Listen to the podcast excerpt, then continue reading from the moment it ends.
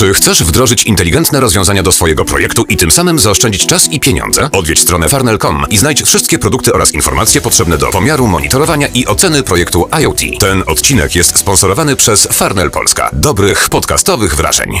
Witam wszystkich bardzo serdecznie w podcaście fullstack.pl. Ja nazywam się Artur Chmaro, a moim dzisiejszym gościem jest Szymon Paluch. Cześć Szymon. Cześć Artur. Szymon w przeszłości był CTO bardzo znanego polskiego startupu u pacjenta. Szymon też posiadał własną e, agencję, a obecnie zajmuje się konsultingiem w świecie IT i łączy świat takiego tradycyjnego Web 2 z Web 3. Może zacznijmy od tego, gdybyś nam tak przedstawił swoją definicję Web3, bo mhm. myślę, że jest to na tyle jeszcze nowa rzecz, że nie mamy takich definicji gdzieś tam w książkach, czy nie wiem, w słowniku oksfordzkim, mhm. że możemy się do tego odnosić, więc póki co każdy ma, myślę, ta, trochę swoją własną definicję, a ja jestem bardzo ciekaw Twojej. Okej, okay, no to tak. Y, ja w ogóle podchodzę do tej sprawy y, w taki sposób, że tą, tak jak mówisz, definicję będziemy w stanie podać sobie taką y, książkową, encyklopedyczną za kilka lat, gdyż to jest proces. Internet ewoluuje, internet się zmienia, tak samo można już wskazać jakoś tam ten Web 1 i Web 2, bo samo Web 2 pojawiło się bodajże pierwszy raz w 1999 roku, było użyte, a zostało rozpropagowane w 2004 właśnie na fali po tym jak pękła bańka dotcom, troszkę był taki sentyment negatywny, do, do rynku IT e, i właśnie w 2004 firmy zaczęły promować e, ten, to sformułowanie Web2 jako e, coś, taki nowy start, tak? Czyli trochę tak jak mhm. mamy teraz w tym Web3.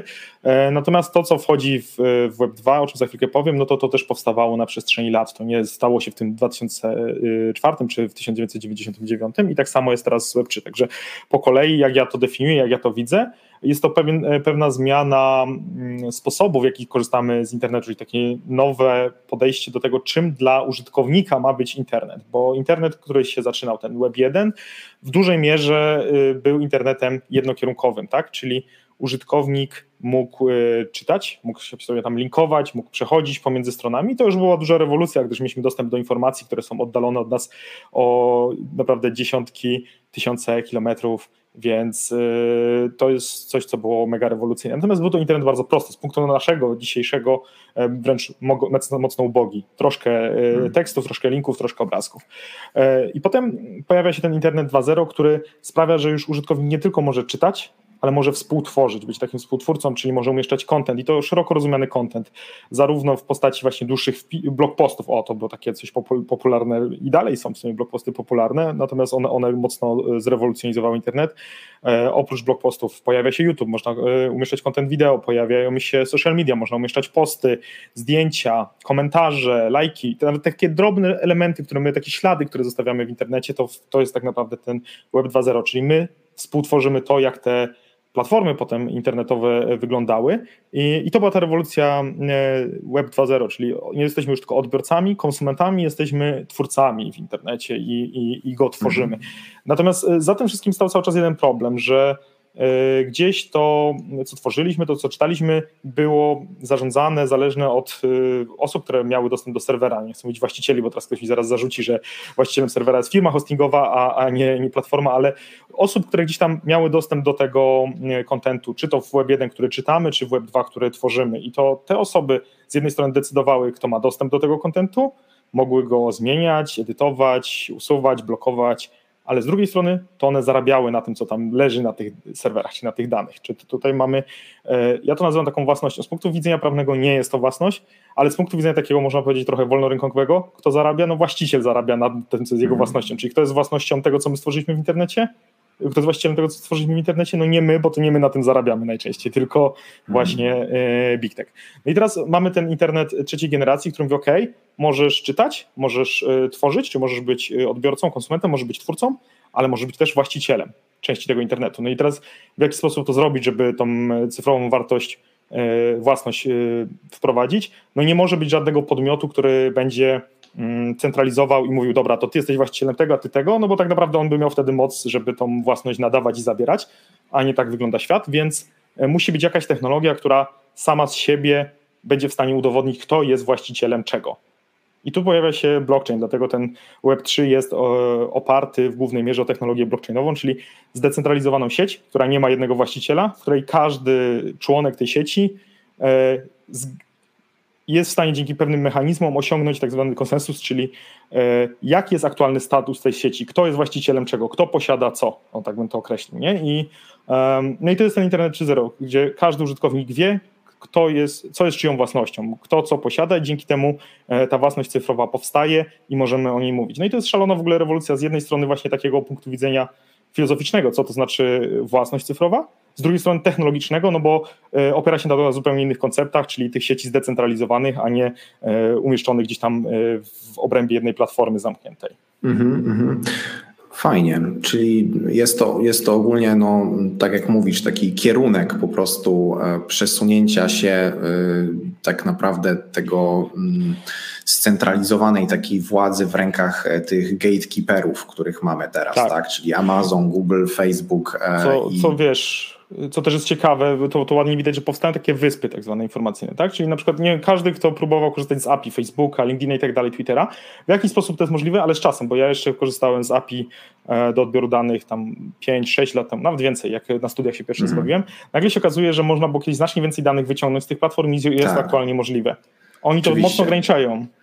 Także, tak, tak. No to, to jest właśnie to, to, co mówisz, to, to też pamiętam czasy, kiedy było API, nawet, że mogłeś sobie bardzo łatwo pobrać e, uczestników jakiegoś wydarzenia, które utworzyłeś na Facebooku, nie? A ja prawie teraz... na tym startup zrobiłem, powiem ci, ja prawie na tym startup zrobiłem, tylko mi to wtedy wy, wycięli.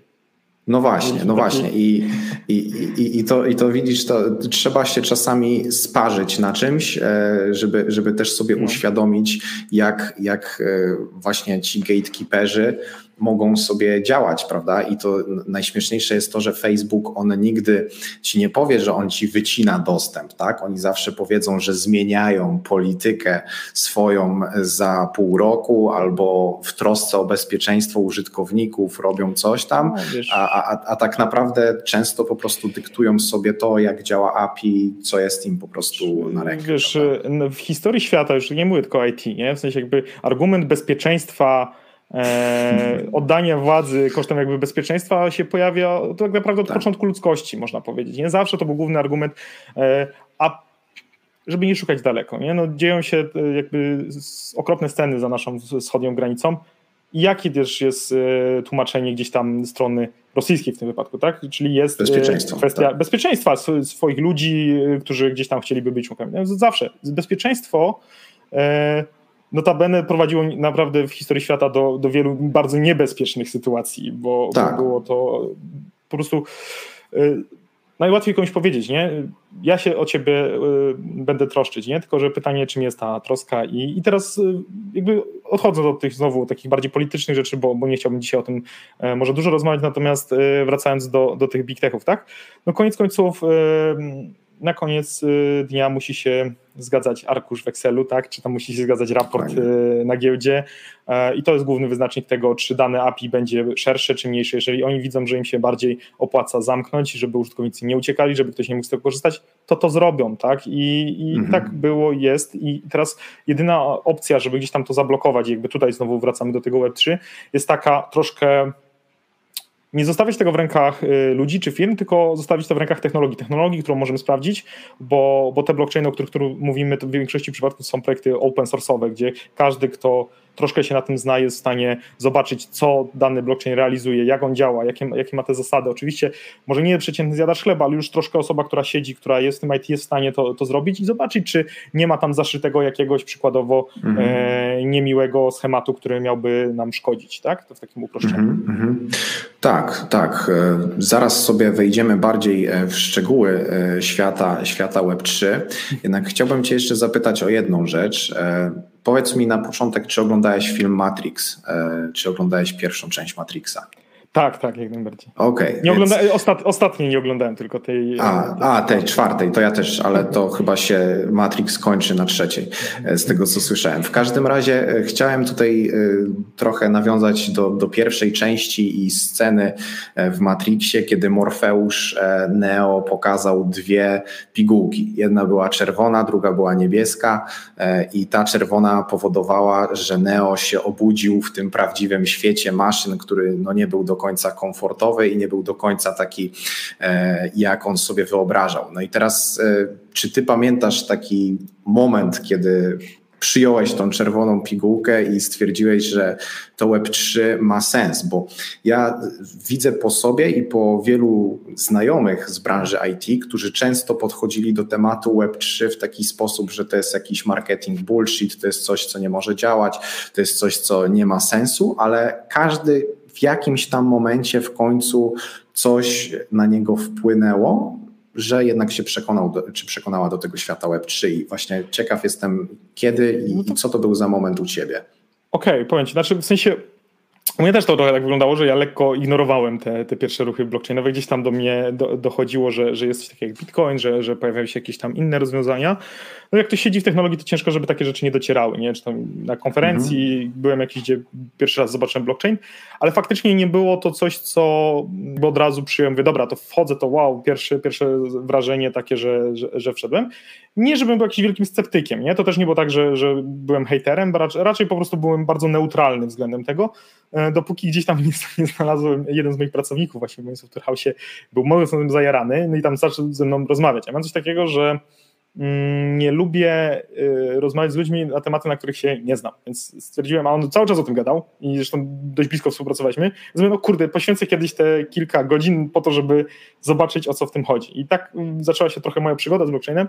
Co ciekawe, właśnie od tej strony technologicznej, a nie od y, strony, jak większość y, osób, które znam, inwestycyjnej, czyli kupmy bitcoina, mm. bo można zarobić i tak dalej, bo, bo jednak to jest taki bardziej standardowy schemat. U mnie to było mm. znacznie później. E, natomiast ja wszedłem właśnie od tej strony technologicznej i pierwsze co, to zacząłem jakby całą ideę tego, po co jest ten blockchain, jak on działa i poznawać sobie krok po kroku to od strony technologicznej, trochę olewając tą stronę związaną z tokenami, z y, coinami i tak dalej. E, potem zrozumiałem, że jednak to nie może do końca działać w, odseparowaniu, to, to, jednak są rzeczy mocno powiązane, ale, ale jakby to też jakby to był taki drugi przełom. E, natomiast wracając, zrozumiałem wtedy, że, że gdzieś są, y, że da się zrobić taką technologię. Jak zacząłem samą tą technologię poznawać, że ma to sens y, i właśnie potem jeszcze przez, przez dołożenie całej kwestii tokenomii, która jest gdzieś tam przy tych projektach, y, technologii, która może być trwała, która może być permissionless, która może mieć naprawdę dużo takich ciekawych aspektów, których aktualnie albo nie mamy, albo są one w bardzo bogi sposób realizowane w Web2 i nie potrzebujemy do tego właśnie żadnego nadzorcy. Nie? W sensie nie muszę iść do jakiejś firmy, prosić o certyfikat, y, o dopuszczenie, tylko mogę sobie wygenerować ten klucz korzystając z skryptu, który każdy może sobie napisać, bo, bo kryptografia nie jest niczym tajemnym i zakazanym, więc każdy sobie może na podstawie jeszcze. dokumentacji, jeszcze, jeszcze, na podstawie e, dokumentacji danej sieci wygenerować e, klucz prywatny, na podstawie tego klucz publiczny, adres, i zacząć działać. Nie? W sensie jakby to, to właśnie wtedy, wtedy, to zrozumiałem, jak zacząłem się bawić tą technologią i kurczę, przecież ja nie potrzebuję e, nikogo. Z drugiej strony to działa w sposób zdecentralizowany, czyli też nie będę miał sytuacji, w której Facebook pada, bo nawet Facebook pada, Amazon Web Services pada, nie? Wszystko pada i, i, i oczywiście nie mówię, bo może być sytuacja, w której nie mamy dostępu do internetu i, i się nie połączymy z tym blockchainem, ale y, koniec końców jest to w taki sposób realizowane, że mm, z jednej strony nie mamy kogoś, kto, kto nam właśnie przychodzi, mówi, ja tu będę odpowiadał za bezpieczeństwo twoje, za bezpieczeństwo sieci, za y, utrzymanie tej sieci, a to działa. Nie? I, mhm. i, I, działa już nie od wczoraj, tylko działa od 2009 roku i działa, nie? W sensie w przypadku Bitcoina, w przypadku Ethereum trochę krócej. Są tam jakieś problemy, jest kwestia wydajności, są, są zagadnienia, ale to jest wszystko kwestia techniczna. Ja też jakby jako osoba świadoma e, technologii podchodzę, wiem, że jesteśmy bardzo wcześnie w wielu tematach i mm. one wymagają pewnego dopracowania i, i jeszcze będzie kilka niewygodnych sytuacji, ale już widać, że te tematy w jakimś takim szerszym skopie są nakreślone. Wiadomo, z czym musimy sobie poradzić, żeby, żeby to zaczęło działać i teraz ludzie pracują. I w ogóle druga rzecz, która mm. dla mnie była taka, taka piękna, to już jakby odchodząc od technologii, bo to był taki pierwszy, to był 2000 17-18 przełom. Zresztą ja wchodziłem na górce, co zaraz potem pękło więc, i, i mnie to nie zraziło jakby do tej technologii, e, więc e, bo, bo sama technologia mi się podobała i dalej, dalej gdzieś tam w nią wierzyłem. Mm, natomiast drugi taki, takie, e, wtedy jeszcze nie wchodziłem może w takie projekty, bo byłem zajęty prowadzeniem własnego biznesu, e, wtedy e, no, agencyjnego, potem, potem u pacjenta, więc miałem bardzo mało czasu. Po prostu po godzinach gdzieś sobie to dłubałem. Nawet tak, taka śmieszna historia. W praktyce ja pierwszego bitcoina kupowałem, jak kończyłem pisać swój własny blockchain, bo stwierdziłem, że muszę napisać swój własny blockchain, żeby zrozumieć, jak działa blockchain. Nie? I napisałem mm. taką mikrokopię, załóżmy, bitcoina w JS-ie, o, w Node, mm -hmm. żeby po prostu zrozumieć pewne mechanizmy. Nie? Więc, e, więc tak to poznawałem e, i tak dochodziłem do tego, że właśnie ma to sens. A druga rzecz, która bardzo mi się e, spodobała, już taka mniej związana z technologią, to jest to, że filary, na których jest postawione Web3 są blisko wartości, w które ja wierzę. Nie? I to właśnie tutaj to, co już wspomniałem, to permissionless. Ja e, jestem przedsiębiorcą od kiedy tylko zacząłem swoją gdzieś tam karierę zawodową po studiach i ja nie lubię się prosić ludzi o różne rzeczy. Ja po prostu chcę działać i chcę robić. I, i tutaj ten, mhm. to, że ja mogę właśnie w przypadku blockchainu, bardzo, bardzo mi się podoba, nie? W sensie to jest, to jest bardzo zbieżne z tym, co robię. E, kolejną mhm. taką, taką rzeczą jest otwartość, e, czyli to, że faktycznie te projekty starają się trzymać open source. Ja zawsze wierzyłem w projekty open source, zresztą według mnie dlatego IT tak mocno się rozwinęło i dlatego jest konkurencyjne względem innych branż, że ono się samo napędza przez to, że dużo e, projektów jest otwartych, że mamy GitHuba, na którym jest kod, że mamy Stack Overflow, że ludzie się wymieniają, wiedzą, że jak mam problem, to nie muszę wynajdywać koła na nowo, tylko po prostu mogę skorzystać z, z rozwiązań innych ludzi po to, żeby iść dalej do przodu. I, i te projekty Web3 mocno też sobie wzięły do serca to i mamy od, dużo kodu jest otwarte co też fajnie wychodzi, na przykład jak mamy jakąś kwestię bezpieczeństwa, jakiś wyciek, bardzo szybko da się namierzyć, gdzie był problem, jak go rozwiązać, co już nieraz było pokazane w historii, pomimo wielomilionowych wycieków, następnego dnia już była łatka, było wszystko zabezpieczone, mało tego inne projekty wiedziały o tym i, i mogły sobie też wprowadzić yy, to, taką poprawkę, gdzie w przypadku korporacji to wygląda tak, że jak korporacja ma problem, coś się stanie, oni sobie to poprawiają i nikt inny o tym nie wie, nie wiadomo co w ogóle się mhm. stało, nikomu nic nie powiedzą, yy, bo wszystko jest tajne, jest prawa własności intelektualnej, nikt nie wie w ogóle dlaczego tak się stało, ciężko jest potem też z takimi korporacjami rozmawiać, yy, inni ludzie też nie mogą się zabezpieczyć przed podobnymi sytuacjami, bo w sumie to nikt nic nie wie i, i tyle, nie? I w taki, w takiej chmurze żyjemy.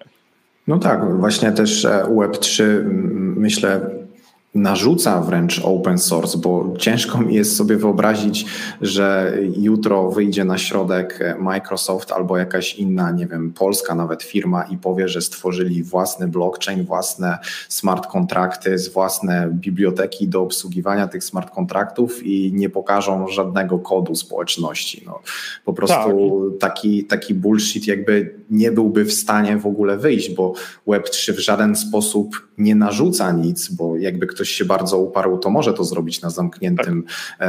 źródle, ale w zasadzie no, ten świat i, i, i, ten ekosystem Web3 działa tak, że po prostu jak ktoś wchodzi bez otwartego kodu, no to pokazują mu, gdzie są drzwi. Nie? No właśnie, o to chodzi, nie? Właśnie i dlatego to było tak naprawdę na przestrzeni ostatniego roku, kiedy już dojrzewałem, kiedy już technologię znałem i tak mocno się zastanawiałem, co zrobić ze swoim życiem, w którą stronę pójść, bo, bo taki ostatni rok był rokiem takiej mocnej rozkminy, trochę takiej e, priorytetyzacji swoich wartości, e, zastanowienia się tego, gdzie dalej i, i właśnie na bazie tych rozkmin i tego, co jest dla mnie ważne, e, doszedłem do wniosku, że właśnie najbliżej mi do tych też wartości, które są e, z Web3 między innymi i też wiem, że jestem w stanie wchodząc tutaj jakiś taki sensowny impact wnieść do, do tych projektów, co też było dla mnie bardzo istotne.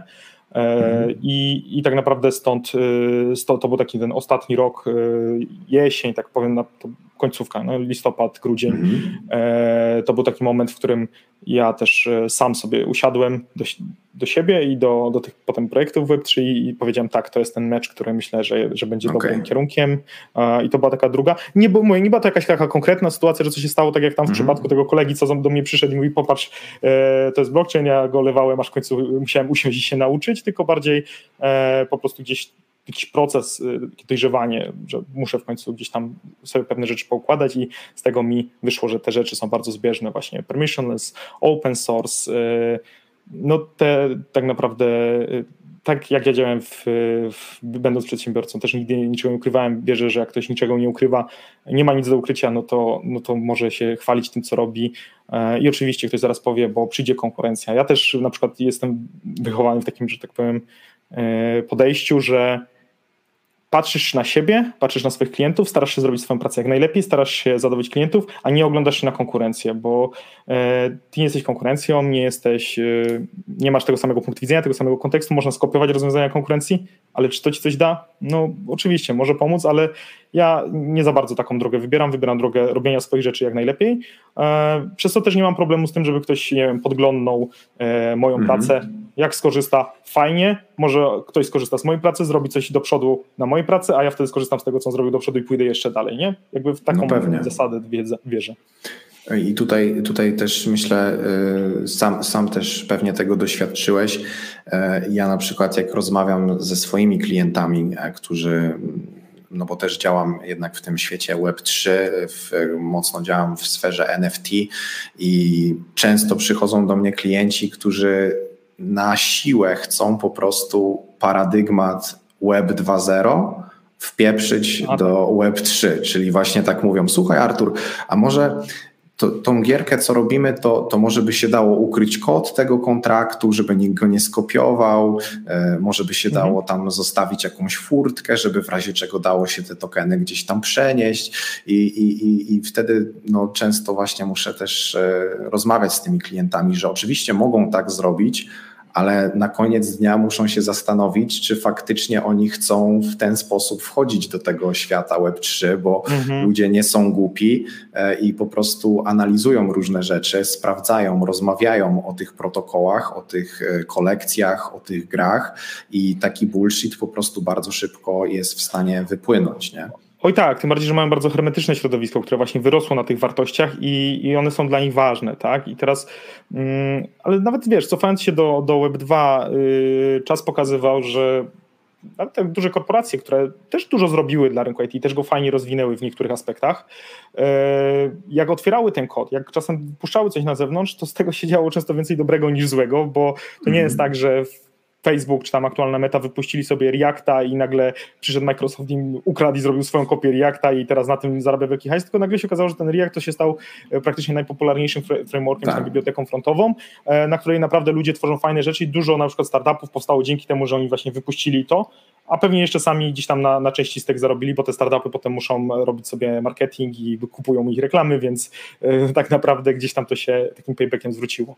Ale, mm. ale tak, to się właśnie często okazuje, że to nie problem jest to, że ktoś ci to ukradnie, tylko y, właśnie to daje więcej tych zalet, daje tą przejrzystość, ludzie wiedzą w co wchodzą, y, możesz mieć zewnętrznych kontrybutorów, możesz mieć zewnętrznych audytorów, możesz zachęcać, nie wiem, potencjalne talenty do dołączenia do Twojego zespołu, bo to też na przykład ja e, prowadząc swoje zespoły zawsze, zawsze rozważam taki ruch, żeby właśnie ten kod, y, to co mamy fajnego, oczywiście gdzieś tam jakieś biblioteki, jakieś y, UI-owe, jakieś bardziej frontendowe, czy, czy może częściowo backendowe, może wypuścić na zewnątrz i e, jeżeli to będzie dla kogoś fajne, no to przyjdzie, dołączył, ja znam Waszą bibliotekę, na niej się wychowałem i w sumie też takie tak. wejście do tego zespołu automatycznie jest prostsze, nie? Więc jakby ja widzę bardzo dużo pozytywów.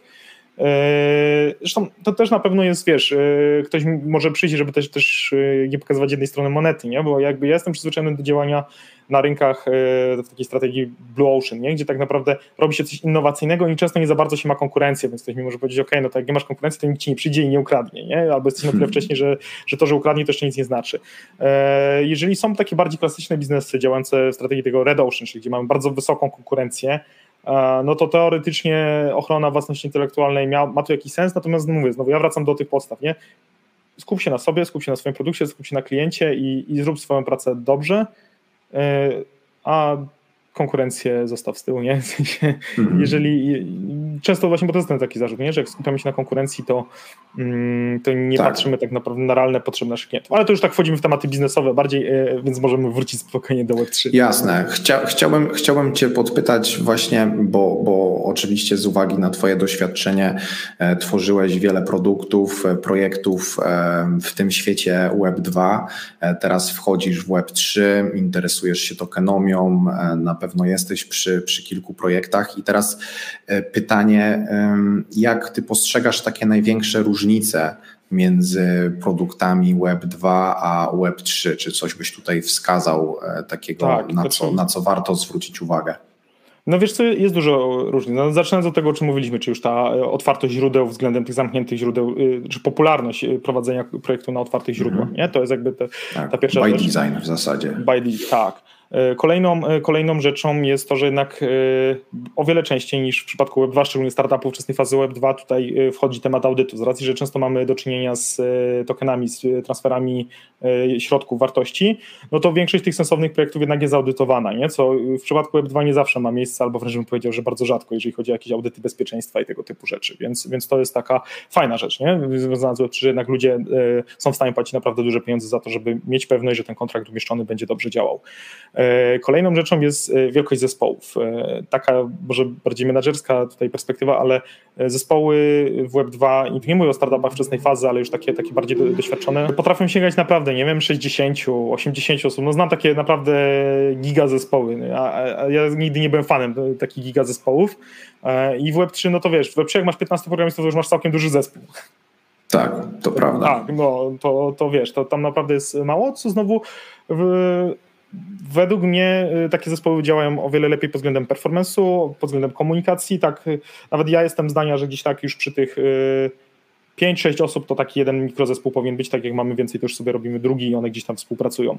E, I, i, i takie właśnie są te zespoły Web3, nie? W sensie, jak się popatrzy nawet na CV-ki, na przykład na stanowiska menedżerskie albo jakieś CTO i tak dalej, no to masz wymogi w Web2, czy zarządzałeś zespołem składającym się z minimum 40, 50, 60 osób, są takie, a, a w Web3 no to duży zespół to, to już masz kilkanaście osób, nie? I, i, i tak to mniej więcej wygląda. E, kolejną taką e, różnicą e, to jest też podejście do, do tego, w jaki sposób tutaj mamy prowadzoną kwestię deploymentu, tak? No bo w Web2 możemy sobie bardzo szybko iterować małymi, drobnymi fragmentami. Tutaj te kontrakty jednak są takim checkpointem dość dużym i e, ktoś by mógł pomyśleć, że w takim razie wracamy do jakiegoś waterfalla i to takie zarzuty słyszę, nie? I, I niektóre projekty faktycznie tak robią, co ja uważam, że nie jest dobre, bo niekoniecznie tak musi być.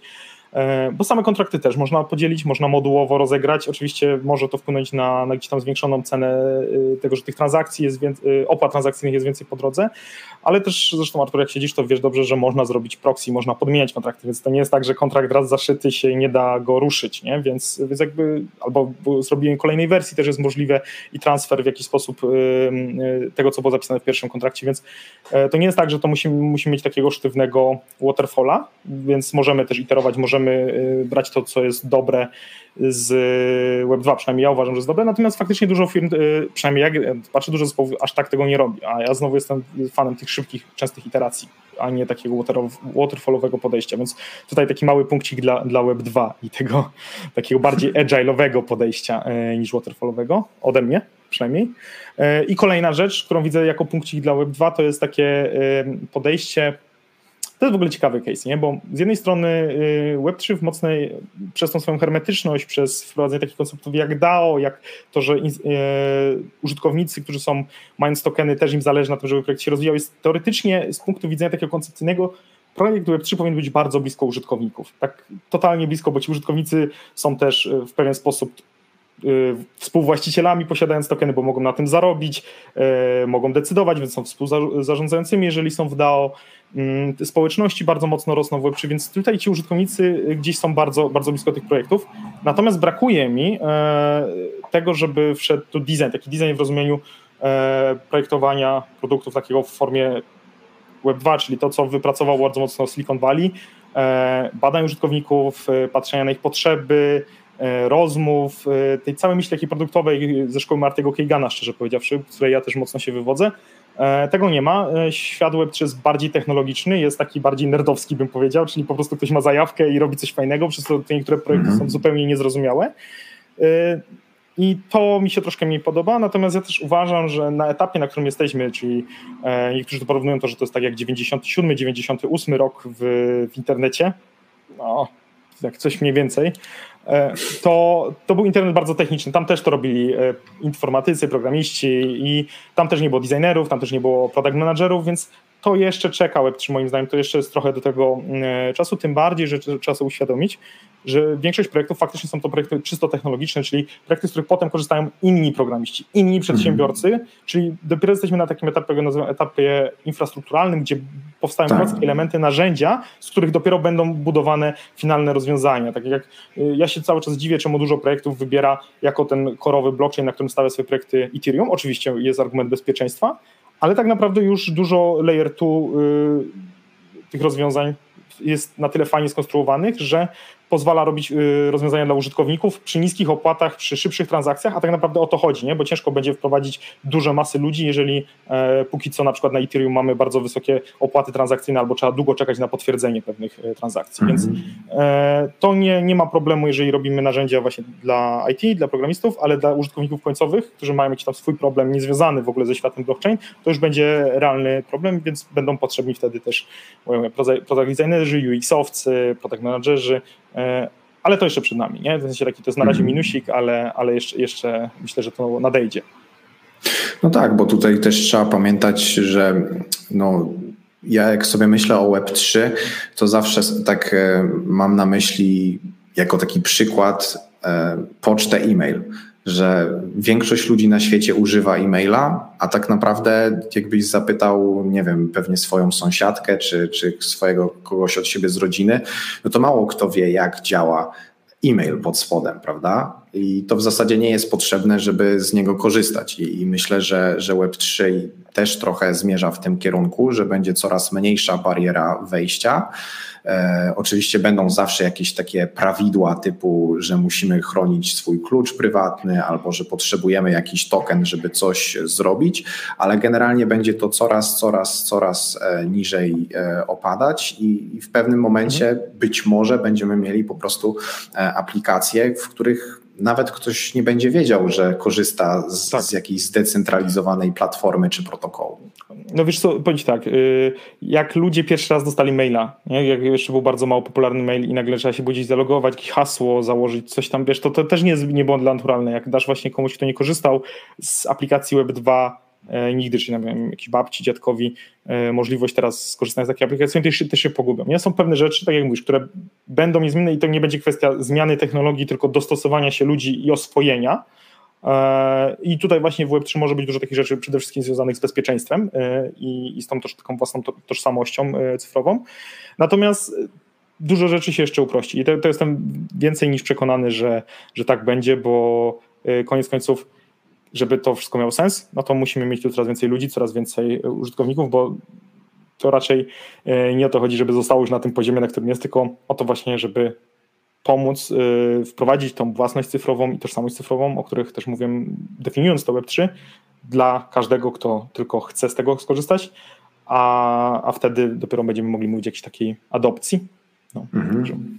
Myślę, że tutaj też takim e, fajnym czynnikiem do tej adopcji będzie wejście po prostu w dorosłe życie obecnych dzieciaków, którzy są wychowani na mhm. takich grach typu Fortnite, e, Minecraft, gdzie jakby mm, posiadanie jakichś tokenów albo koncept, że masz jakąś apkę, która jest twoim portfelem, który możesz użyć do, do zakupu albo do interakcji z innymi ludźmi, no to to będzie takie normalne, prawda? No bo jeżeli teraz miałbym mojemu ojcu wytłumaczyć, e, co to jest Bitcoin, co to jest klucz prywatny i hardware'owy wallet, no to, no to, to by było wyzwanie, prawda? Ale wiem, że, że już wśród dzieciaków się właśnie pojawiają e, pierwsze gry pay to earn, gdzie trzeba mieć metamaska, no i po prostu dla, dla dzieci to jest czasami taki no-brainer, tak? Że po prostu widzą, że trzeba pobrać jakiś tam apkę i niewiele się zastanawiając po prostu z tego korzystają.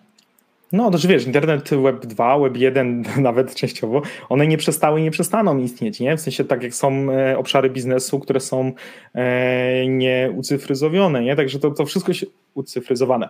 E, to wszystko się zaczyna prze, przeplatać, nie? I to nie jest tak, że Web3 wygryzie wszystko i nic więcej tak. nie zostanie. Będą ludzie, którzy są ludzie, którzy dalej czytają gazety papierowe, są ludzie, którzy oglądają telewizję, są ludzie, którzy korzystają z internetu, nie? I teraz to wszystko się zaczyna mieszać dlatego, tak jak mówisz, też jestem zdania, że to właśnie młodzież wchodząc będzie dla nich to bardziej natywne i, i naturalne, żeby, żeby takie rzeczy robić i oni nie będą mieli z tym większego problemu, więc e, to jest jeszcze przed nami. Dwa, na przykład ja jestem zdania, że cały czas mamy bardzo niską adopcję na urządzeniach mobilnych i to jest moim zdaniem coś, co też może być takim e, pewnego rodzaju dużym wyzwaniem, żeby to wprowadzić, a z drugiej strony y, może zwiększyć adopcję, nie? Bo, bo, bo jakby też, żeby, y, żeby zrozumieć... Ale mówisz o adopcji Web3 na, na, na mobilnych urządzeniach, o to ci chodziło? Tak, tak, tak. A, okay. no, tak.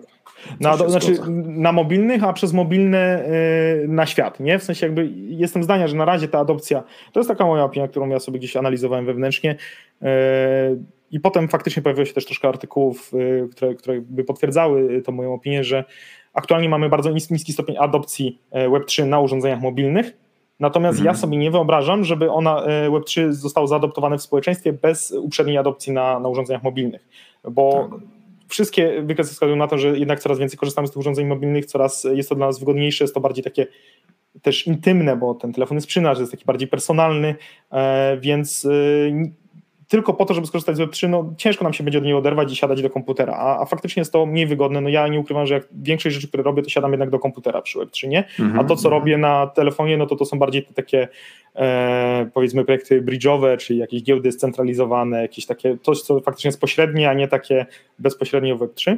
A tu jesteśmy tak naprawdę, zaczynamy się powoli ocierać też o, o metaverse, czyli kolejny mój taki ulubiony temat, e, gdzie, gdzie jestem zdania, że no telefon telefonem, ale za chwilę faktycznie te, za chwilę, jak za chwilę, za, za, w ciągu kilku lat te okulary e, wprowadzające nas w tą cyfrową rzeczywistość też będą w jakiś sposób codziennością. I tutaj się upatruje bardzo dużego możliwości wykorzystania Web3. Zresztą ten, kto wchodzi w tematy metaversu, ale takiego metaversu może mniej e, w wizji Marka, chociaż zobaczymy, nie, co zrobi, zrobi Meta. Natomiast e, ten, kto wchodzi, ten będzie widzi, że, że w tych artykułach pojawiają się tematy NFT, pojawia się Web3, pojawiają się tematy portfeli, tożsamości cyfrowej e, i że to Web3 mocno się tutaj uzupełnia ja w jednej chyba z prelekcji, którą miałem, właśnie tak mówiłem, że E, jest powiedzenie, że, że Web3 jest rewolucją backendową, taką rewolucją, którą użytkownik aż tak mocno nie odczuje, bo, bo że Web2 było taką e, rewolucją interfejsu. E, JavaScript tak. się rozwinął, powstały aplikacje mobilne, czyli ta interakcja zaczęła być ważna. No i teraz Web3 jest znowu rewolucją bardziej backendu, czyli bliższy jest temu, co, co zrobiło Web1. Natomiast gdzie będzie ta rewolucja interfejsu? Moim zdaniem właśnie Metaverse jest taką rewolucją interfejsu, która gdzieś nas, nas kiedyś czeka. Mhm, mhm. Zaraz sobie porozmawiamy o projektach i branżach, gdzie Web3 e, właśnie tak naprawdę pokazuje swoje takie możliwości potężne.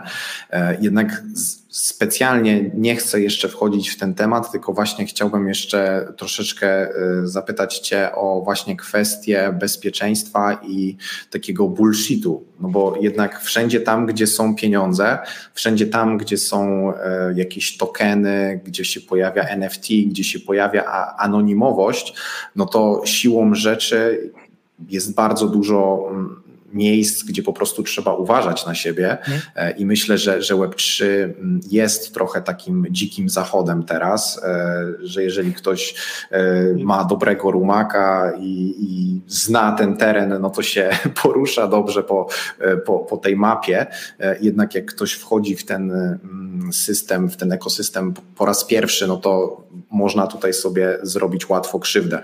I teraz właśnie pytanie, jak rozpoznać że, że coś jest nie tak z danym projektem. Gdybyś miał tutaj Dobra, wskazać ja, ja, właśnie parę ja, rzeczy. Ja może, ja może zacznę od takiej mało popularnej opinii ale y, to, że tak jest, jak powiedziałeś, że właśnie jest dużo projektów skamowych, można, niektórzy tam szacują, że nawet z 90% to jest po prostu skok na kasę i tak dalej, albo że jest po prostu, może nie wprost skam, ale przehypowany marketing, który koniec końców mhm. prowadzi do, do tego, że, że upada.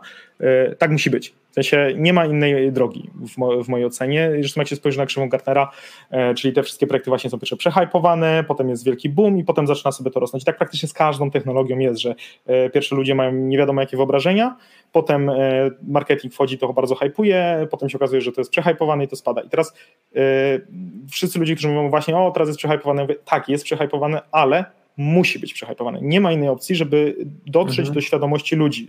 Jakby to, że jest przehypowane sprawia, że y, nam i ludziom, którzy nawet może nie siedzą teraz w Web3, gdzieś to się koduje, że coś takiego jest i dopiero po tym, jak to się wyrówna ta wartość do takiej realnej tych projektów, to zacznie się to budować, ale musi przejść przez ten próg. Nie? Jak, jakby bez tej fazy overhypu, to w ogóle by się nie przebiło i nikt by się tym nie zaczął zajmować, nie, nie zacząłby tworzyć nie? projektów. Więc, mhm. więc taka smutna troszkę prawda, że e, faktycznie większość teraz projektów jest przehypowanych, ale niestety w mojej ocenie tak musi być i musimy się troszkę z tym pogodzić. Ja jestem zdania, że taka duża bańka, takie jeszcze walnięcie to dopiero będzie, to jest jeszcze przed nami, ale zobaczymy, nie? bo też nie mam kryształowej kuli, więc, więc może nie, natomiast to jest gdzieś tam moje takie, takie odczucie i tu nie mówię o cenach, jakby teraz w ogóle abstrahuję od kwestii cen, nie chcę wrócić i nigdy się nie wypowiadam na temat, jakie ceny będą na krypto, mówię o tym, e, co się dzieje z technologią i jak projekty mm -hmm. się mhm. rozwijają. Na, tak. Wiesz co, zgodzę, zgodzę się z Tobą e, w, w, pełni. E, tutaj też, też właśnie zauważyłem, że wiele osób, które e, mają, są sceptykami do Web3 albo wręcz hejterami, bo też jest dużo takich osób, które nawet nie, nie tylko wykazu, wykazują lekki sceptycyzm, ale po prostu są jawnymi hejterami i obrzucają po prostu błotem Web3, kiedy tylko się da. No to właśnie wiele osób kompletnie miesza ze sobą technologię z jakimiś właśnie e, skamowymi projektami e, czy, czy tymi skokami walut. I myślę, że tutaj też jest ważne, żeby zachować taki zdrowy rozsądek i jakby nie, nie nie negować e, NFT albo nie negować blockchaina tylko dlatego, że jakiś projekt komuś ukradł tak. pieniądze, no bo gdybyśmy tak, tak, postępowali w świecie Web2, no to byśmy pewnie nie Ale korzystali z bankowości, nie? W, Web2 też się to działo, dzieje, e, to Jasne. dzieje się na zwykłych giełdach, e, nie tylko w IT, to nie wynika z technologii, to wynika z naszej jakiejś tam ludzkiej, e, tak. z tego jacy są ludzie, nie? I, I, że jednak są ludzie, którzy są podatni na to, że chcą jak najwięcej się zarobić nie, i tą moralność mają obniżoną, więc robią te projekty i to technologia z technologią. Natomiast y, jakby wracając do Twojego pytania, jakby tego głównego, czyli jak uważać, jak już wchodzimy i mamy świadomość tego, że jednak jesteśmy na tym dzikim zachodzie, e, jak uważać, nie? To czy nie ma jakiegoś złotego środka i nawet e, bardzo dobry projekt może się okazać mega niewypałem i, i często tak jest w ogóle, że to jakbym nie chciał zarzucać, że wszystkie projekty to są takie, które nie wyszły, to są skamy. Często się okazuje, że po prostu ktoś miał dobre intencje, tylko troszkę źle to zrobił Fuksem udało mu się zebrać dużo kasy, a potem nie wyszło i nagle dostają miano skamu, mimo że na przykład faktycznie e, intencje za tym nie były złe. Więc jakby chciałbym tutaj odseparować to powodzenie projektu od bycia skamem, bo to są jakby dwie, dwie różne rzeczy. A że y, można bardzo szybko i łatwo zebrać środki stos, stosunkowo do innych branży, no to e, często potem takie, takie projekty, które nie wyszły, dostają miano skamu, mimo że mówię, potencjalnie nie były. No ale jeżeli już mamy szukać takich skamów, jeżeli już mamy faktycznie się zabezpieczyć, to, to jest to możliwe w jakimś tam stopniu, yy, bo jest kilka znaków, które, oznak, które mogą wskazywać na to, że, że ten projekt jednak jest takim projektem, który chce nas na tą kasę yy, naciągnąć. Taki dla, dla mnie osobiście najważniejsze rzeczy to są ludzie, nie? Czyli ja zawsze sprawdzam zespół i oczywiście ja nie znam wszystkich ludzi na świecie, tym bardziej w, w Web3, gdzie zamiast człowieka dostanę małpę albo panka i w ogóle jakiś tam nick i nie jestem w stanie sprawdzić, ale gdzieś ten ślad cyfrowy zawsze dostaję. Czyli ja osobiście albo sprawdzam po portfelach, jeżeli są dostępne, gdzie ten zespół, jakie tam były, były e, transakcje, czy z innymi portfelami powiązane i tak dalej. To jest troszkę bardziej techniczna rzecz, da się to zrobić.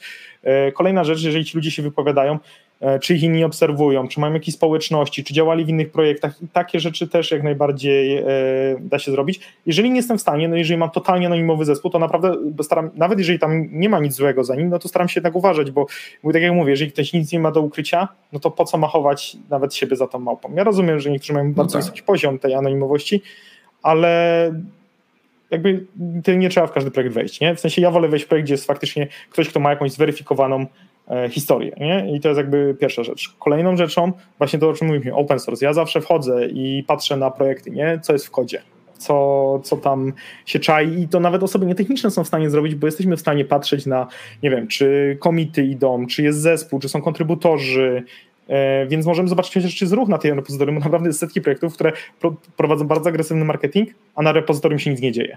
No to tak. wiesz, to, to tak. Albo jest sforkowany jakiś standardowy smart contract, tak. tak żeby coś było i tyle, nie?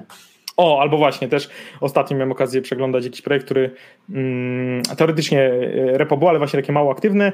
Teoretycznie był audyt, ale sprzed roku, a jak się weszło w audyt, to audytowany był właśnie standardowy sforkowany kontrakt. W sensie no, no ktoś tak. zapłacił za audyt, żeby był audyt, ale w sumie to audytowany był nie ich kod, tylko jakiś tam font, nie? Więc no, takie rzeczy da się wyczaić. E, takie rzeczy na pewno, na pewno warto sprawdzać. Kolejną taką rzeczą, e, którą ja sobie też zawsze, patrzę, bo mówiłem o zespole, e, mówiłem o kodzie, ale też jest white paper. W sensie mhm. siądźmy do tego, nie patrzmy tylko na, na marketing, tylko to jest taki dokument dla tych, co nie wiedzą, który ma opisywać, jaki jest cel danego projektu, jaki problem rozwiązuje, w jaki sposób chce go rozwiązać, jaka tam jest technologia, czyli te wszystkie najistotniejsze e, aspekty. I teraz e, analiza takiego white papera, przede wszystkim, jeżeli on jest jakiś szalenie krótki, to można już powiedzieć, że coś jest nie tak, ale żeby nie było, wiem, Bitcoin ma white paper na 8 stron, więc tutaj jest, jest on w miarę krótki. Natomiast patrząc na na przykład jakieś porządne white papery, które są teraz pisane. Natomiast warto sobie to przejrzeć i zobaczyć, czy to się spina, nie? Tak nawet na własną logikę, nie? Czy taka prosta matematyka, która za tym stoi, czy to się spina, czy ten white paper jest e, dokumentem marketingowym, bo on nie powinien być marketingowym dokumentem. Jeżeli czytamy white paper i tam jest więcej marketingu e, niż mechaniki działania, czy tam planowanych rozwiązań, to znowu nam się coś nie spina, nie? I dlatego ja, ja myślę, że dużo osób nie przegląda white paperów, warto to robić, a w ogóle jeżeli ktoś nie ma white paperu, no to jest nagle problem, nie? Możemy zapytać zespołu, napisać do zespołu, nie? Na Twitterze, na Discordzie, to może podeślijcie, jak się nie chwalicie mm -hmm. tym publicznie, no ja bym nie wszedł, nie? W sensie nie wszedłbym w projekt, który, którego nie jestem w stanie przeczytać white paperu i nie mam uzasadnienia, albo nie mam uzasadnienia, czemu go jeszcze nie ma, nie? Bo ktoś może powiedzieć, że jeszcze nie napisali, mają na przykład light paper, czyli taką uproszczoną wersję, proszę bardzo, wyślijcie light paper, nie? Mm -hmm. To takie trzy, trzy rzeczy, nie? Które, tak, które ja, ja bym się... rekomendował. Tak, ja się, ja się też podpisuję pod tym wszystkim, co powiedziałeś. E, jednak ważne jest to, że no, mimo, że blockchain w pewien sposób jakąś tam anonimowość zapewnia, no to jednak też za Wiesz każdym co, projektem stoją ludzie, nie? Ja, ja z tą anonimowością uważam. W sensie ja już jakby, ja sobie ze swojego słownika e, rzeczy związanych z blockchainem wyciąłem anonimowość, bo moim zdaniem to już ona jest w dużym stopniu zatracona, a dwa nie jest ona kluczowym elementem, na którym na przykład mi osobiście zależy w przypadku projektów blockchainowych. Teraz tak naprawdę, oczywiście, ja mogę komuś zapłacić, ktoś mi przeleje i zrobimy sobie to prywatnie, ale w większości przypadków przechodzimy przez giełdy, mamy KYC, podajemy, tak. da się naprawdę dojść. Zresztą, żeby daleko nie szukać, ostatnio był scam na Open, znaczy problem na OpenSea, bo Head of Product y, sobie promował projekty, w które wcześniej zainwestował, kupił y, tokeny y, i dzięki temu dostawał jakieś tam mógł na tym zarobić. No i właśnie doszli po blockchainie, po e, adresach portfeli, tak. że to faktycznie on sobie jako tam robił ten insider trading, to się nazywa, nie? Tak, tak, tak, tak. Dokładnie. E, więc e, jeżeli ktoś chce prać pieniądze na kryptowalutach, to e, zastanówcie się dwa razy. Oczywiście tego nie popieramy. Jak budujecie projekty własne, to też myślę, że warto tutaj się posłuchać Szymona i po prostu zadbać o rzetelny open source, o white paper i o to, żeby można było faktycznie zweryfikować, tak. kto za danym projektem stoi. Teraz chciałem jeszcze Cię podpytać, bo już zmierzamy do końca naszej dzisiejszej rozmowy. Porozmawialiśmy sobie o różnicach między projektami Web 2.0, Web 3.0. E, porozmawialiśmy trochę o tym dzikim zachodzie i myślę, że jeszcze na koniec musimy się rozprawić z jednym tutaj smokiem, dosyć dużym, e, no bo mm, wśród sceptyków, wśród osób, które mm, hejtują w jakiś sposób Web3, jest często taki argument, że ktoś na przykład mówi, no dobrze, ale po co wyruszacie coś, co działa? Przecież mamy Postgresa, mamy Big Data, data, mamy różnego rodzaju e, rozwiązania, które już działają, które są bezpieczne, które są tanie. E, no i po co wy tutaj e, gmeracie z tymi smart kontraktami, które są drogie, które są wolne, które mają dziury, bo kogoś tam kiedyś okradli. No i jest taka, taki, taki, myślę, częsty case, że właśnie ludzie tak do tego podchodzą. I myślę, że tutaj dosyć ważne jest to, żeby właśnie powiedzieć, że Web3 no, nie sprawdza się w każdym konkretnym przypadku, prawda? Przecież nikt nie będzie chyba e, w blockchainie budował, nie wiem, jakiejś prostej gry e, w sudoku do grania mobilnie na urządzeniu, bo nie ma to sensu, ale chciałem się Cię zapytać właśnie Twoim zdaniem, jakie branże, jakie produkty okay. faktycznie dobrze się sprawdzą w Web3? Chcia, chciałem jeszcze nawiązać do tego, co powiedziałeś. W sensie jakby tak, zgadzam się w 100%, że to nie jest tak, tak jak mówiłem, że Web3 nie zabije Web2 i nie zabije Web1, one będą gdzieś współdziałać, yy, współegzystować. Tak samo zgadzam się z tym, że nie wszędzie, to nie rozwiązuje wszystkich problemów świata, to rozwiązuje jakiś tak. tam zbiór albo częściowo nawet nie rozwiązuje problemów, tylko pod pozwala zautomatyzować, zrobić w prostszy sposób albo wyciąć pośredników, mm. więc to jest jakby jakiś tam zbiór zagadnień, które dzięki temu mogą być rozwiązane. Natomiast też czemu warto to robić i właśnie jakie branże, tak jakby wracając. Znaczy tak, zarzut, który, o którym ty powiedziałeś, czyli to już jest, jest taniej, jest sprawdzone i tak dalej, ok, tylko że tu mamy często taką konflikt mentalny pomiędzy, można powiedzieć, menadżerami, a e, przedsiębiorcami, bo czym się różni menadżer od przedsiębiorcy? Menadżer ma zarządzić swoim zespołem, swoim produktem e, i jak najlepsze zyski na koniec gdzieś tam roku zrobić, czyli e, wybierze drogę bezpieczną w większości przypadków. Ja też tak trochę generalizuję, nie? Ale, ale, ale też jakby ja widzę te argumenty, najczęściej to są osoby właśnie pełniące stanowiska dyrektorskie, menedżerskie w większych firmach korporacyjnych, których, od których padają dokładnie te zarzuty, o których ty mówiłeś. Natomiast przedsiębiorcy, innowatorzy są trochę bardziej rebel i oni podchodzą, ok, ale spróbujmy. Może nie wyjdzie, ale spróbujmy zrobić coś inaczej i zobaczmy, co się stanie. Nie? I teraz ja trochę tak widzę to Web3, że to jest y, częściowo robimy coś, czego nie ma, o czym rozmawialiśmy, czy ta własność cyfrowa, ale z drugiej strony niektóre rzeczy próbujemy faktycznie trochę wynaleźć koło na nowo i zobaczymy, co z tego wyjdzie. Może coś ciekawego, nie? a może nie, i wtedy się wrócimy troszkę częściowo do znanych rozwiązań. I, i na tym też polega ludzkość i świat, że ludzie kombinują, próbują, wiedzą, że są pewne standardy, ale co się stanie, jeżeli my te standardy złamiemy? Zobaczmy. Nie? I, I to gdzieś tam pchało tą ludzkość do przodu, czyli wychodzenie z tej strefy komfortu, z takiego bezpiecznego podejścia i patrzenie, co się stanie. I trochę coś takiego się dzieje w Web3.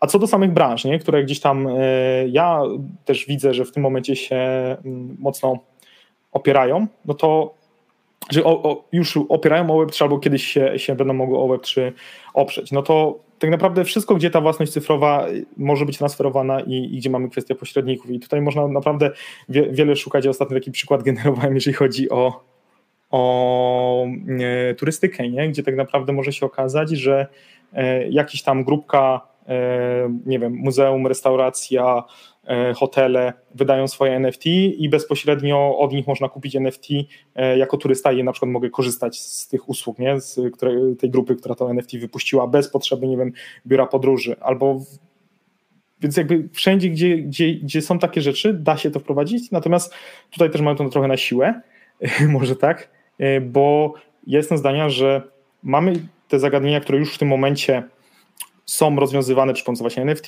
tokenów i one są często tłumaczone z naszego świata rzeczywistego, czyli zróbmy system biletowy, nie? Zróbmy system biletowy, tylko czy my potrzebujemy blockchain, żeby robić system biletowy? No, potrzebujemy, nie potrzebujemy, nie? Mi się wydaje, że nie potrzebujemy, chociaż y, jest tam jakiś startup, który to robi, twierdzi, że to zmniejsza tam jakieś problemy z y, tym, że są, nie wiem, bilety się mieszają, gubią, coś tam było, nie? Co takiego mówili. E, mhm. Natomiast mi się wydaje, że my czekamy troszkę na takie natywne rozwiązania, czyli coś, czego nie robimy aktualnie w rzeczywistym świecie, a będziemy robić w świecie tym Web3. I takie rozwiązania dopiero się pojawią. Na razie jesteśmy troszkę jako ludzie na etapie, tłumaczymy sobie, jak nasz zwykły świat zaprojektować przy pomocy Web3 te pewne rozwiązania. Mhm. I o tym możemy sobie pomówić, a o takich rozwiązaniach natywnych, które będą nie występowały bez Web3, a występowały tylko w Web3, to dopiero się dowiemy. Znaczy już jakby oznaki są szczególnie w DeFi, bo DeFi to jest najbardziej rozwinięta y, gałąź Web3, czyli tutaj te zdecentralizowane finanse, jakby choćby te flash loans, nie? czyli takie szybkie pożyczki, znaczy coś, co nie występuje w, w zwykłych finansach, gdzie w ciągu jednej transakcji mamy pożyczkę, zrobienie jakiejś tam akcji i zwrot nie? Y, tak. tej pożyczki. E, to ludzie tego nie rozumieją w ogóle, bo nie ma czegoś takiego w świecie no, właśnie to, realnym. To, o tym mówię. To, to, jest, tak, to jest ten natywny mechanizm, który występuje tylko i wyłącznie w Web3. Nie? A po, pozwala na naprawdę szalone rzeczy, na robienie szalonych rzeczy z tymi środkami. E, I to w stosunkowo bezpieczny sposób, nie? Tak naprawdę gdzieś. Tak. E, e, no, także to o takich rzeczach mówię, nie? Natomiast branże, które jako taką, jako całość nie mogą zyskać, to e, na pewno wszystko, gdzie właśnie można tych pośredników. Ja jestem zdania, że jakieś yy, kwestia branży muzycznej, nie? Tutaj dużo się mówi o NFT muzycznych, gdzie teraz yy, nieraz yy, twórcy wskazują na to, że najwięcej tej tak zawsze zarabia wytwórnia, nie mimo, że oni są prawdziwymi autorami, że oni nie mają tych tantiem, że mhm. potem jest jeszcze ZAX, który też pobiera jakieś opłaty i tak dalej, i tak dalej. Ja tu widzę szalenie dużo nadużyć, szalenie dużo tych y, poziomów, gdzie mamy pośredników, których właśnie dzięki jakiejś automatyzacji tego, w jaki sposób są transferowane środki za, nie wiem, odsłuchanie, za dostęp do, do danej muzyki, można by było e, fajnie to rozwiązać i żeby to faktycznie realny twórca, realny autor e, zarabiał. To samo możemy powiedzieć mhm. przy ogólnie branży entertainment, czyli gdzie będziemy mieli seriale, filmy, e, tego typu rzeczy. Znowu, możemy płacić twórcom bezpośrednio. I ja widzę w tym dużo, dużą taką zaletę, gdzie mamy prawa autorskie, a gdzie mamy prawa własnościowe, a gdzie mamy prawa autorskie majątkowe. I teraz często to się mocno rozjeżdża i, i właśnie twórcy muzyki, twórcy filmowi nie zarabiają tyle co studia. Mhm, tak. Albo zarabiają, ale nie do końca w taki transparentny sposób, że dużo zależy od takiego centralnego punktu, który ci generuje jakiś raport, a ty w zasadzie no, musisz przyjąć to, co ci dają, tak? Nie jesteś w stanie zweryfikować, czy ta sprzedaż faktycznie była taka, jak oni stwierdzą, a w przypadku blockchaina faktycznie można e, to prześledzić. Kolejnym, kolejnym taką branżą, jeszcze jakby, żeby pociągnąć ten temat, żebyśmy pokazali trochę szerzej.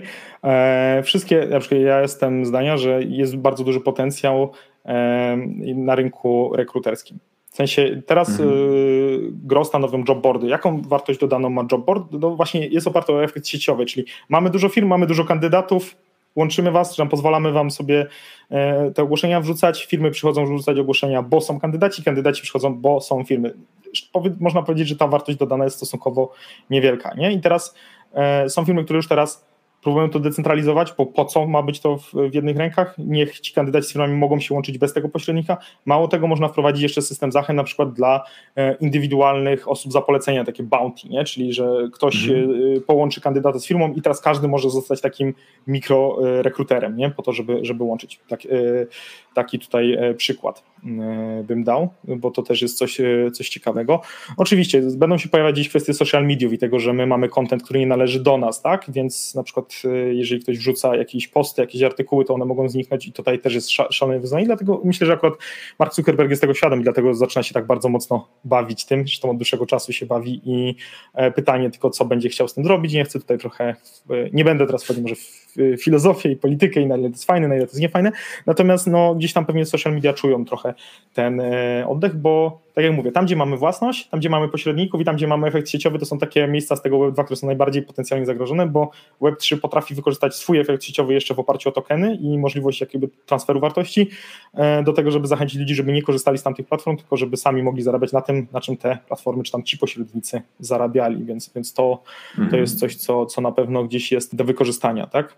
Y, wszystkie, wiesz, kolejna rzecz, nie? Jakieś tam społeczności, dużo, dużo się mówi o ekonomii twórców też w kontekście Web3, więc jakby tutaj zachęcanie są takie przykłady pierwszych twórców, którzy pozwalają swoim społecznościom zarabiać na tym, co robią sami, czy robią wspólnie. Nie? Jakby personalne tokeny mają różną opinię, różnie się to sprawdzało, natomiast w przyszłości takie twory dalej będą powstawać i myślę, że część osób robi to dobrze i, i potrafi pokazać, że buduje społeczności, którym oddaje cząstkę z jednej strony siebie, ale cząstkę też jakby kontroli nad tym, co oni do tej pory robili. Nie? I teraz e, te społeczności mogą na tym zarabiać, mo mogą tworzyć, czyli tutaj się nam tworzy coś e, w rodzaju tej ekonomii twórców wspieranej E, tokenami. To też jest bardzo e, ciekawy aspekt. Kolejną rzeczą, e, taką może bardziej techniczną, no to to jest to, co jest gdzieś tam taką z internetu, czyli to właśnie, że te serwisy tam padają, są niedostępne, czyli sprawienie, żeby dane były dostępne, żeby jakieś dane, nie, oczywiście nie wszystkie, bo to nie zawsze ma sens, były dostępne, czyli zdecentralizowane systemy plików, bo teraz tak jest, że tak jak też mówiliśmy, czy to platforma może nam wyciąć jakieś posty, czy OVH się może spalić i nagle ileś tam stron poleciało do chmury, nie? Y, I tego typu rzeczy się dzieją w internecie. Mamy 2022 rok, a dalej jakieś serwisy potrafią być niedostępne i o ile dla dużych twórców, którzy są zabezpieczeni, mają wysoką dostępność, są pomiędzy różnymi centrami, to nie jest jakiś szalenie duży problem, mają backupy, to mimo wszystko internet w większości się składa z tych małych twórców, jakichś prostych WordPressów na pojedynczych hostingach i tak dalej. I nagle się okazuje, że gro internetu jest narażone na to, że z dnia na dzień przestanie działać, nie? w sensie te, te tak. strony. I tutaj e, Web3 pomaga też właśnie właśnie w rozwiązywaniu tego typu e, problemów, czyli tej dostępności, tej wysokiej dostępności, która do tej pory była zarezerwowana dla e, tylko dużych graczy. Mhm. Tu też myślę do tych zdecentralizowanych storage'ów to też można dodać taki fajny feature, którym jest no, walka z cenzurą, tak? No bo e, przecież na całym świecie jest kilka reżimów, tak? W, w różnych państwach i nie można sobie wrzucić czasami nawet jakiegoś obrazka z, z, lat 60., co prezentuje jakąś sytuację tam, nie wiem, w Chinach, czy, czy, czy to, to słynne zdjęcie tam z czołgami, prawda? E, a wrzucamy ją na zdecentralizowany storage i, i nagle ktoś może mieć dostęp do tego pliku, a inaczej by nie miał. Jeszcze o medycynie chciałem wspomnieć, bo jest ona też mi bliska z racji, że trochę działałem w medycynie. Tutaj A, mamy kilka, też mamy kilka projektów, które, które działają. E, bardzo, bardzo fajne mm, pod względem jakby samej koncepcji, natomiast nie wiem, czy wiesz, jak teraz wygląda kwestia właśnie z wynikami. Teoretycznie, jak mamy nasze wyniki badań, one są nasze, ale w praktyce są laboratorium, czy są e, firmy, które mhm. robiła te badania, bo e, ok, możemy sobie pobrać PDF-a, przyjść, ale jeżeli do innego, nie wiem, Mm, lekarza i mu pokazać tego PDF, ale jeżeli on by to sobie chciał zaciągnąć, to to się już okazuje, że nie jest takie proste. Są jakieś tam centralne rządowe systemy, z którymi teoretycznie wszyscy już powinni być zintegrowani, a w praktyce to niewiele kto jest e, i, i to bardzo różnie działa. E, natomiast a, a, firmy medyczne, wiesz, one nie mają takiego interesu, żeby twoje wyniki przekazywać do innych lekarzy, nie? Jak masz e, no jakiegoś gracza, to wchodzi do naszych lekarzy, a, a, a, tak. nie tam, nie? Więc, więc to też nie okazuje się, że nie takie proste i nagle e, my tracimy trochę tą własność nad tymi wynikami, bo to oni nie mają. Okej, okay, mówię, my możemy na kartce papieru to przynieść, ale, ale ta integracja z tym zaczyna być problemem. Fajnie by było, gdybyśmy to jednak my decydowali, który lekarz właśnie poprzez na przykład danie dostępu mu, yy, on ma po prostu bezpośredni dostęp do całej naszej historii, bo to jest wtedy tak. ma sens, jeżeli lekarz zna całą naszą historię i jest w stanie się wypowiedzieć, a nie na, na podstawie jednej karteczki z wynikami. Więc to jest jeden aspekt. Drugi aspekt, E, blockchain pozwala właśnie na częściową anonimowość i tak jak mówię, ja nie chcę grać tutaj kartą anonimowości, natomiast mamy możliwość umieszczania na przykład nie wszystkiego w, w takim Web3, bo też e, tak. nie wszystko będzie zawsze trzymane w Web3, ale na przykład część rzeczy może być, albo może być pod pewnymi warunkami trzymane, czy na przykład w sposób tak. zanonimizowany. I tutaj się pojawia też bardzo fajny rynek cały, gdzie e, zanonimizowane czy dane medyczne, czy ale nie tylko medyczne, finansowe, bardzo różne, mogą być przetrzymywane, mogą być publicznie dostępne i na przykład można posadzić na tym jakieś big data, można posadzić na tym machine learning.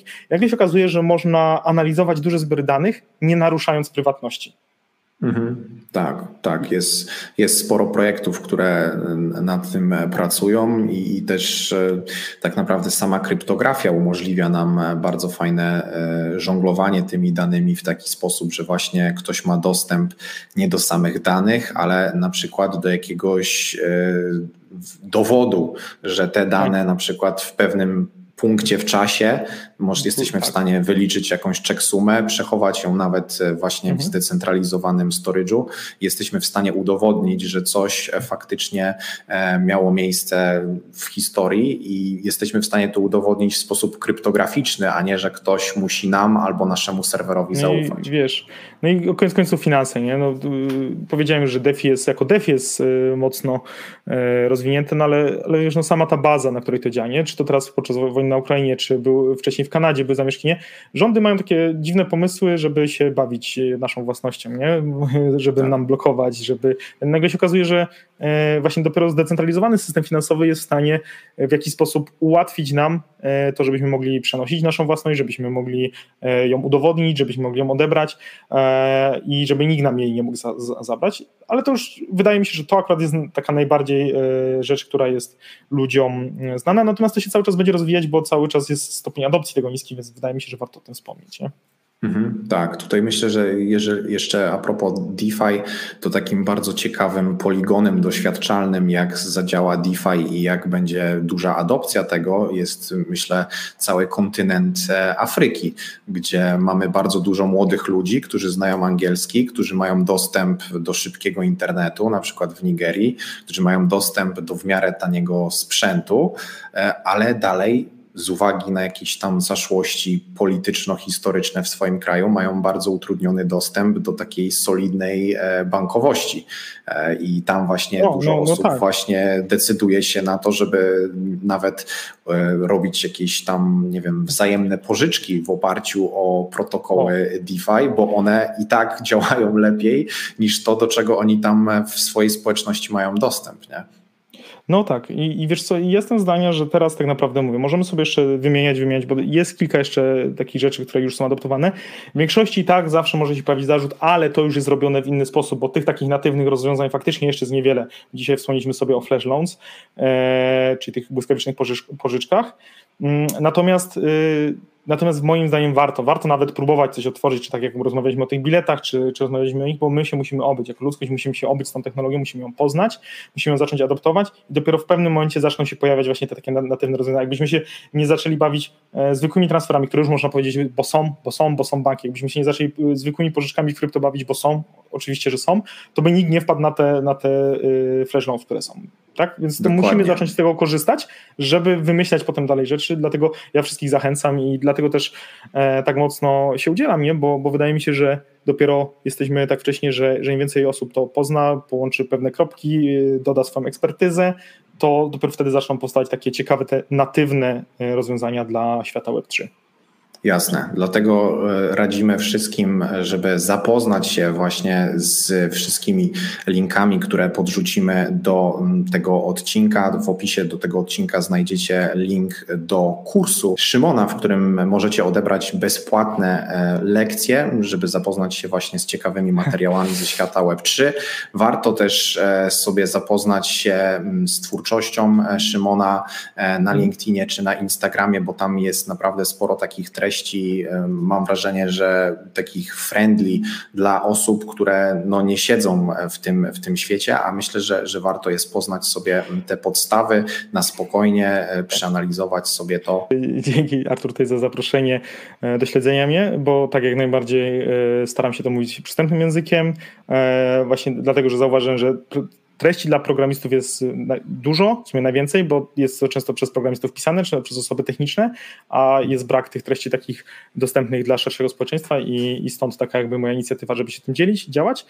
Y, stąd też kurs, o którym wspomniałeś, który tak naprawdę jest zebraniem wiedzy, którą ja poznawałem na przestrzeni tych ostatnich lat, kiedy poznaję ten świat Web3, E, zebranie tego w jedno miejsce, ale też rozszerzeniem o nie tylko wiedzę teoretyczną, rozszerzenie o praktykę i rozszerzenie o spotkania z praktykami, bo, bo też na tym mi zależy, żeby kursanci mieli dostęp do ludzi, którzy już teraz tworzą ten internet w przyszłości, tworzą te rewolucyjne rozwiązania i mogli im zadawać pytania, mogli z nim zostać i tu widzę taką największą wartość tego programu. Oczywiście, jeżeli ktoś będzie chciał mi zarzucić, że ten kurs, że ta wiedza jest za darmo, jest. Jak praktycznie większość wiedzy, którą mamy na świecie, większość no wiedzy no tak. jest za darmo, ale potrzeba znacznie więcej czasu i energii energii, żeby e, do niej dotrzeć, plus nie ma tych rzeczy związanych z e, praktyką, plus nie ma e, rzeczy związanych z dostępem do ludzi, którzy już to robią, więc jakby to jest ten benefit. Jeżeli kogoś interesuje coś takiego i chciałby przyspieszyć ten swój proces wejścia, to zapraszam na Fundamenty Web3. Artur mówił, że będzie w linku, a, ale tak jak mówię, dalej ja i tak kontynuuję swoją misję dzielenia się tą wiedzą tak czy siak, czy, czy dołączycie, czy nie, więc zapraszam na social media, Jasne. Te wszystkie rzeczy znajdziecie w opisie do dzisiejszego odcinka. Myślę, że się tam zebrał całkiem e, fajny zestaw e, wiedzy. Zachęcamy wszystkich i sceptyków, i niesceptyków do zainteresowania się e, Web3. Jeżeli macie jakieś pytania związane z Web3, to myślę, że możecie i Szymona, i mnie gdzieś tam na Instagramie zaczepić, bo, bo zawsze staramy się coś tam wrzucić ciekawego na ten temat. Szymonie, dziękuję Ci bardzo za dzisiaj. Dziękuję Ci bardzo bardzo za poświęcony e, czas i co, życzę samych ciekawych, zdecentralizowanych projektów. Dzięki Artur i wzajemnie.